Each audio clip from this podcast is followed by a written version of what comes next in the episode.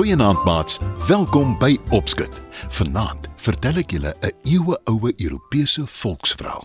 Skuif gerus nader en lekker luister. Lank, lank gelede, toe die wêreld baie anders gelyk het as nou, maar toe mense nog eintlik maar dieselfde was, het mense graag gereis. Daar was nie juis voertuie nie. As iemand nie 'n perd gehad het nie, het hy of sy mag geloop. Dit het natuurlik beteken dat sulke reisigers baie moeg geword het. Dink daaraan, as jy elke dag myle en myle of dan nou kilometers en kilometers ver loop, hoe moeg jy aan die einde van die dag sal wees. En daar was baie keer, eintlik die meeste van die tyd, nie jy's kos of water langs die pad nie. Wanneer so 'n reisiger dus by 'n dorpie aankom, veral aan die einde van 'n lang dag, het hy of sy by die naaste huis aangeklop en gevra vir kos en blyplek vir die aand. Ons storie gaan oor so 'n reisiger. Dis die einde van 'n lang dag en hy is baie moeg. Toe hy teen skemer by 'n dorpie aankom, is hy verlig. Wat die reisiger nie weet nie, is dat die mense op die dorpie besonder arm is. Maar nie net is hulle arm nie, hulle is ook onvriendelik. Hulle praat nie juis met mekaar nie en die deure van hulle klein armoedige huisies is die meeste van die tyd toe en gesluit. Die reisiger klop aan die deur van die eerste huisie wat hy sien. Daar's geen antwoord nie. Maar hy verbeel hom, hy hoor stemme in die huis. Dus klop hy weer. Na 'n hele ruk gaan die deur van die huis op 'n skreefie oop en 'n agterdogtige vrou loer uit. Ja, wat wil jy hê?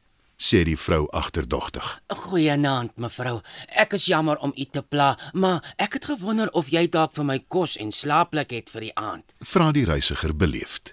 Nee, Antwoord die vrou kortaf en klap die deur toe. Die reisiger staar verstom na die deur. Hy wonder wat om te doen staan. Hy kyk om hom rond en skielik kry hy 'n blink gedagte. Hy tel 'n gladde klip op wat op die grond lê en vee dit mooi skoon af teen sy baadjie. Toe klop hy weer aan die deur. Die onvriendelike vrou pluk die deur oop en raas. ek het nie vir jou kos of slaapplek nie. Niemand op die dorp het nie. Ons is almal arm. Ons het skaars genoeg kos vir onsself. Nie een van ons kan 'n vreemdeling help nie. So maak dat jy wegkom. Die reisiger glimlag en sê: Ag, gun my net 'n oomblik van jou tyd asseblief. Die vrou kyk agterdogtig na hom. Toe hou hy die klip wat hy opgetel het uit na haar en sê: Ek is ook honger en arm, maar ek sal vir ons sop maak. Die vrou lag en sê: Van 'n klip. Ja, op pad na julle dorpie toe het ek verby 'n rivier geloop wat sterk vloei. Ek het ook gesien daar is 'n put hier naby. So, ek neem aan daar is genoeg water en dit kos niks nie. Antwoord die reisiger. Die vrou lag hom uit en sê: Wat het dit met enigiets te doen? Die reisiger laat hom nie van stryk bring nie en antwoord: Jy het 'n vuur in jou hart, nie waar nie? Ja, Antwoord die vrou. Die reisiger glimlag en sê: Water is volop.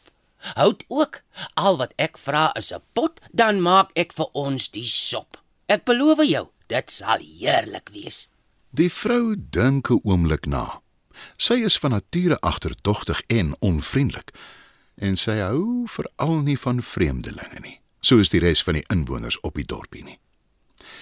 Maar sy is ook nuuskierig en honger. Sy maak die deur weier oop en wys na haar kombuis waar die vuurherd is. Toe gee sy vir die reisiger 'n emmer en sê: gaan haal water.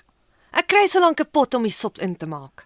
Die reisiger gaan haal die water en gooi dit in die groot pot op die vuurherd. Hy sit die ronde klip daarin. Toe die water begin kook, proe hy daaraan en sê: Uh, dit kort sout. "Die vrou gee vir hom sout en hy gooi dit in die pot water wat op die vuurherd staan en prut. Net toe gaan die huis se deur oop en die vrou se man kom in.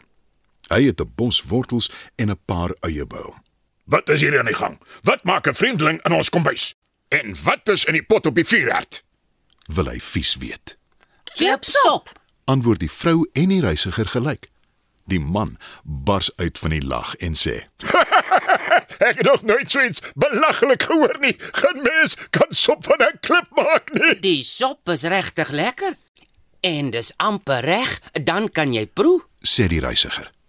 Toe kyk hy na die wortels en eie en voeg by: Dit sal natuurlik nog lekkerder wees as ons wortels en eie bysit. Die man dink 'n oomblik na. Toe gee hy die wortels en eie vir die reisiger en sê: Nee, hoekom nie? Die reisiger kap die groente vinnig op en sit dit in die groot pot. Die vrou het intussen die kombuis se venster oopgemaak en die huis se deur staan ook nog oop. Die sop begin nou regtig lekker ruik en die geur trek deur die lug. 'n Buurvrou wat by die oop venster staan en luister, hoor hoe die vrou van die huis vir die reisiger vra. Is jou klipsop al reg? Ek raak nou baie honger. Die buurvrou se oë rek groot. Toe hoor sy die reisiger sê: Dis so te sê reg. Ek wens net ons het 'n paar rape en bone gehad. Die buurvrou is so opgewonde dat sy by die kombuisvenster inloer en sê: Ek het rape en bone.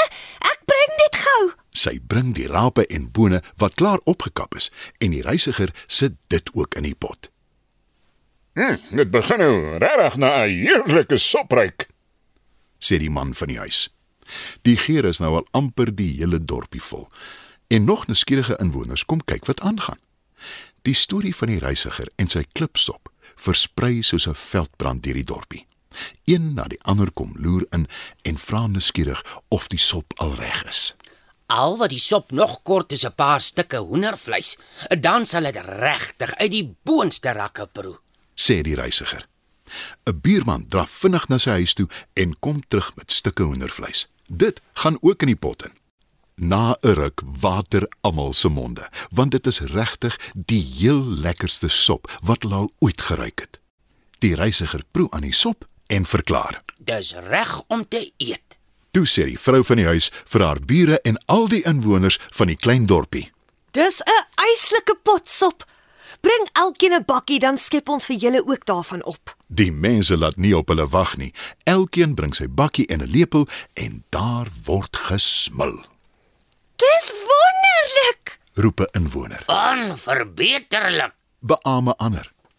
Ek noem dit sommer 'n towersop. Waar kan ons van die klippe in die hande kry om die sop te maak? Vra nog een. Die reisiger glimlag. Toe haal hy die klip uit die pot. Dis nog net so heel en rond. Almal kyk verbaas daarna. Maar toe besef hulle dis nie die klip wat die sop so lekker gemaak het nie, maar al die bestanddele wat almal bygedra het. Ons was bereid om te deel. Iets wat ons nooit doen nie.